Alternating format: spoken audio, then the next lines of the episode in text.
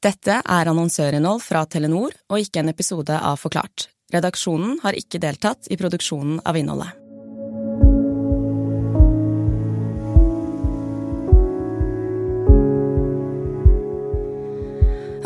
Jeg, jeg blir nervøs, jeg. Um, det starter jo med at jeg sitter og ser på film med en venninne. Og så får jeg plutselig masse meldinger fra venner og familie og bekjente hvor folk skriver sånn Oi, har du starta Onlyfans? Og så var det andre som skrev at eh, Silje, nå tror jeg du har blitt skamma. Dette er Silje. Navnet hennes er anonymisert, og stemmen er lest opp av en skuespiller fordi hun ikke ønsker å stå fram offentlig. I mars 2023 blir hun utsatt for ID-tyveri på sosiale medier. Som så mange andre som blir svindlet, kjenner Silje på skam. Svindlerne stjeler uskyldige selfies fra Instagram-profilen hennes og oppretter en falsk Instagram-profil i hennes navn, hvor de publiserer lettkledde bilder. Denne falske Instagram-kontoen linker igjen til en falsk Onlyfans-konto, også i hennes navn, hvor Silje tilsynelatende poserer som en pornostjerne. Og da jeg så den falske profilen, eh, så fikk jeg sjokk. Det var en Onlyfans-profil med masse pornobilder som ikke er meg, men det sto mitt navn, og det var mitt profilbilde. Og jeg tenkte jo sånn Shit, det her, det her må jeg få ned med en gang. Så meldte det seg litt andre tanker. Kan, kan folk på jobben se det? Tenk om kolleger faktisk tenker at jeg har gjort dette selv. Det var skikkelig tøft eh, og veldig, veldig stressende. Hun ber vennene sine om å blokkere og rapportere profilen, men den forsvinner ikke.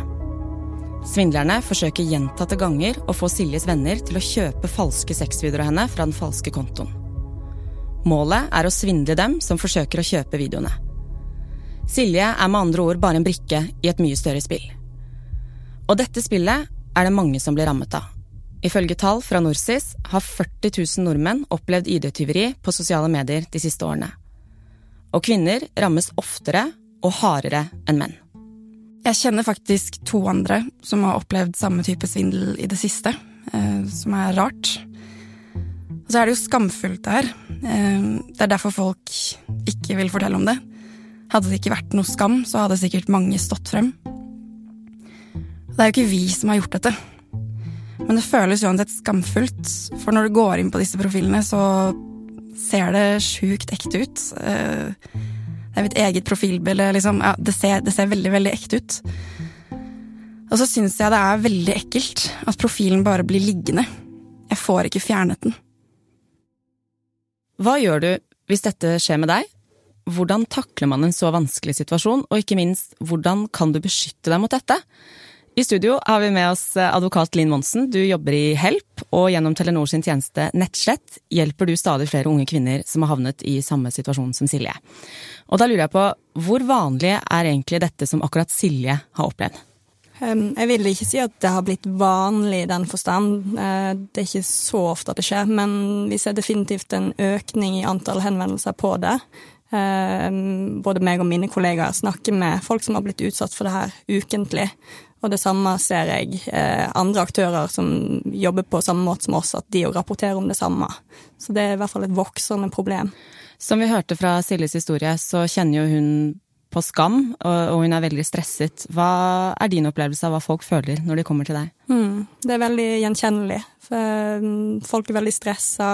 Jeg tror det er noe med at man ikke eh, helt har kontroll på sin egen historie lenger. Eh, som hun sier sjøl. Eh, tenk hvis folk tror at dette er ekte.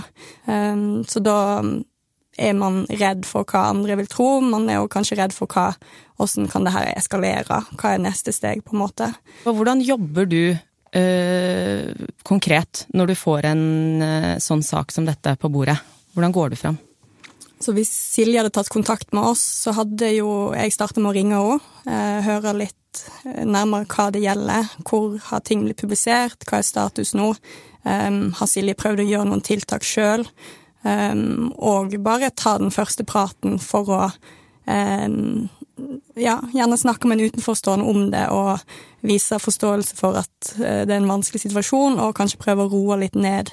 Uh, vi skal gjøre alt vi kan for å hjelpe deg, og eh, det kan òg være en trøst å høre at du er ikke den ene som har blitt utsatt for det her. Eh, og hvis alt fortsatt ligger ute, så hadde jeg tatt kontakt med de nettsidene det gjelder, for å prøve å få det ned så raskt som mulig.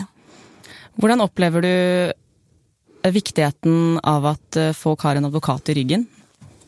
Jeg tror mange føler en veldig trygghet når de har fått snakka med oss, eh, bare for å vite at nå er det noen andre òg som prøver å hjelpe meg her. Eh, eh, mange tør jo ikke å snakke om det her til andre fordi de syns det er veldig ubehagelig.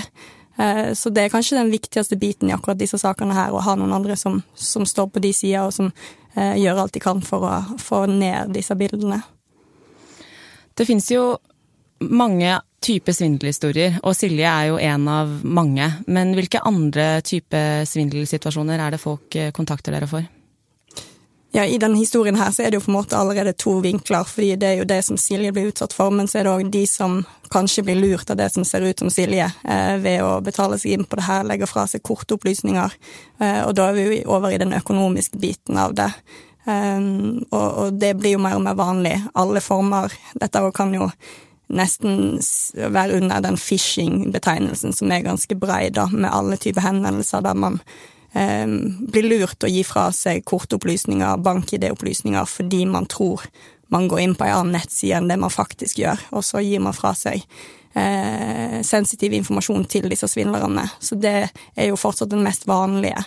Eh, og så er det jo standard ID-tyveri i den forstand at noen bruker personnummer og navnet ditt for å handle på kreditt, eh, ta opp forbrukslån, den type ting. Um, og det som kanskje er en av de nyere, er jo investeringssvindler. At man blir enten lurt via en nettside der òg, eller ved at noen kontakter deg på sosiale medier og anbefaler deg å investere i krypto, gjerne, da. Um, og, og, dette er jo en veldig sofistikert form for svindel, der de bearbeider offer over tid, bygge opp tillit, og på den måten få de til å investere kanskje veldig store beløper i noe som viser seg å være falskt. Um, og så har vi jo òg den kjente type kjærlighetssvindel. Um, det går jo over tid.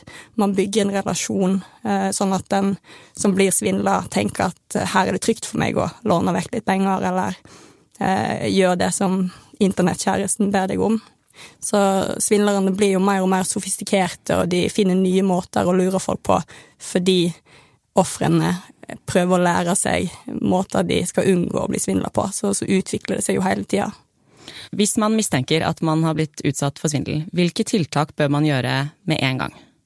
Så hvis det involverer at man har gitt fra seg bankopplysninger eller den type ting, så er det viktigst å ta kontakt med banken med en gang, for det er de som eventuelt kan klare å stoppe transaksjoner hvis ikke det har gått for langt. Um, hvis det gjelder andre typer svindler, så er det jo gjerne å så raskt som mulig prøve å ta kontroll over disse sosiale mediene, um, rapportere ting. Um, gjerne hvis man har blitt utsatt for en sånn type svindel som Silje har, så vil jeg jo varsle vennene mine. Dette her er svindelsida eh, ignorere alle henvendelser som kommer fra den profilen. Fordi man kan jo risikere at eh, omgangskretsen igjen blir lurt, og det kan jo være en ekstra belastning at man på en måte har vært eh, brikka i spillet for å få eh, sine venner til å lide et økonomisk tap. Og når vi er inne på det, da, hvordan kan man unngå svindel? Hva er dine tips eh, ut ifra de sakene du har jobbet med? Det kommer jo an på hva type svindel det er, men hvis vi tenker på Silje sitt tilfelle og unngå det hun har blitt utsatt for, så er det jo lurt å ha en eh, lukka profil på sosiale medier, og i hvert fall være veldig bevisst med hva du deler med uvedkommende.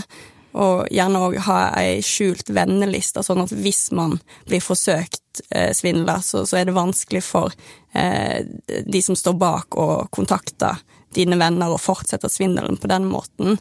Eh, på generelt grunnlag når det gjelder alle typer svindler, så er det jo å være skeptisk til de henvendelsene man får. Det kan være både på telefon, SMS, mail eller på sosiale medier. Eh, ikke trykk på linker som eh, man ikke er sikre på at eh, fører til ei ekte side, og aldri gi fra deg personopplysninger, kortopplysninger eller bank-ID hvis man har blitt kontakta på en sånn type måte som, som en svindel gjerne starter, da. Eh, er man usikker, så kan man heller søke opp den aktuelle nettsida og gå inn der sjøl, sin egen vei, istedenfor at man følger en link som man har fått tilsendt. Med privat mobilabonnement hos Telenor så får man det som heter nettslett inkludert i abonnementet. Det betyr jo at hvis du blir rammet av bildetyveri i sosiale medier, eller noen deler krenkende bilder av deg uten samtykke, så vil du få hjelp av advokat, og du får dekket timer hos psykolog, slik at du ikke står alene i stormen. I Siljes tilfelle så hadde jo ikke hun forsikring da dette skjedde. Eh, hvor viktig er det å forsikre seg mot svindel? Jeg tenker det er veldig viktig å ha en forsikring og ha tilgang på advokat og psykolog og, den bistanden som man kan få hos oss. Eh, mest av alt egentlig for å ha noen i ryggen som kan hjelpe deg gjennom den prosessen. Og i de tilfellene der det er snakk om økonomiske tap, så kan det òg være en vanskelig prosess å stå i eh, når man f.eks. er uenig med banken om hvem som skal bære ansvaret for det tapet man har hatt. da. Med tanke på utviklingen, vil du si at svindelforsikring kommer til å bli like viktig som andre typer forsikringer i fremtiden, f.eks. innboforsikring? Ja, det tenker jeg kan være naturlig, fordi så mye av kriminaliteten har jo flytta seg over på nett og digitalt, og man lever livet sitt i mye større grad der, så det er naturlig at det vil bli en ting som er viktig å forsikre.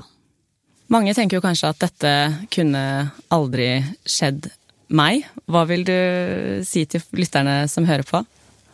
Ja, akkurat det sier jo de aller fleste som tar kontakt, så det tilsier jo egentlig at det kan skje hvem som helst. Eh, og det, det tror jeg òg. Eh, jeg tenker jo av og til sjøl at eh, jeg hadde ikke blitt lurt, men det, hvis man er i et svakt øyeblikk, man har det travelt altså Det kan gjerne skje når man ikke har eh, forsvaret oppe, da, så da tenker jeg faktisk at det kan skje med alle. Linn, tusen takk for at du kom til oss i studio. Takk for meg. Hvis du som lytter ønsker å vite mer om hvordan du beskytter deg mot svindel, gå inn på telenor.no slash sikkerhet, hvor du finner informasjon og tjenester som gjør deg tryggere på nett.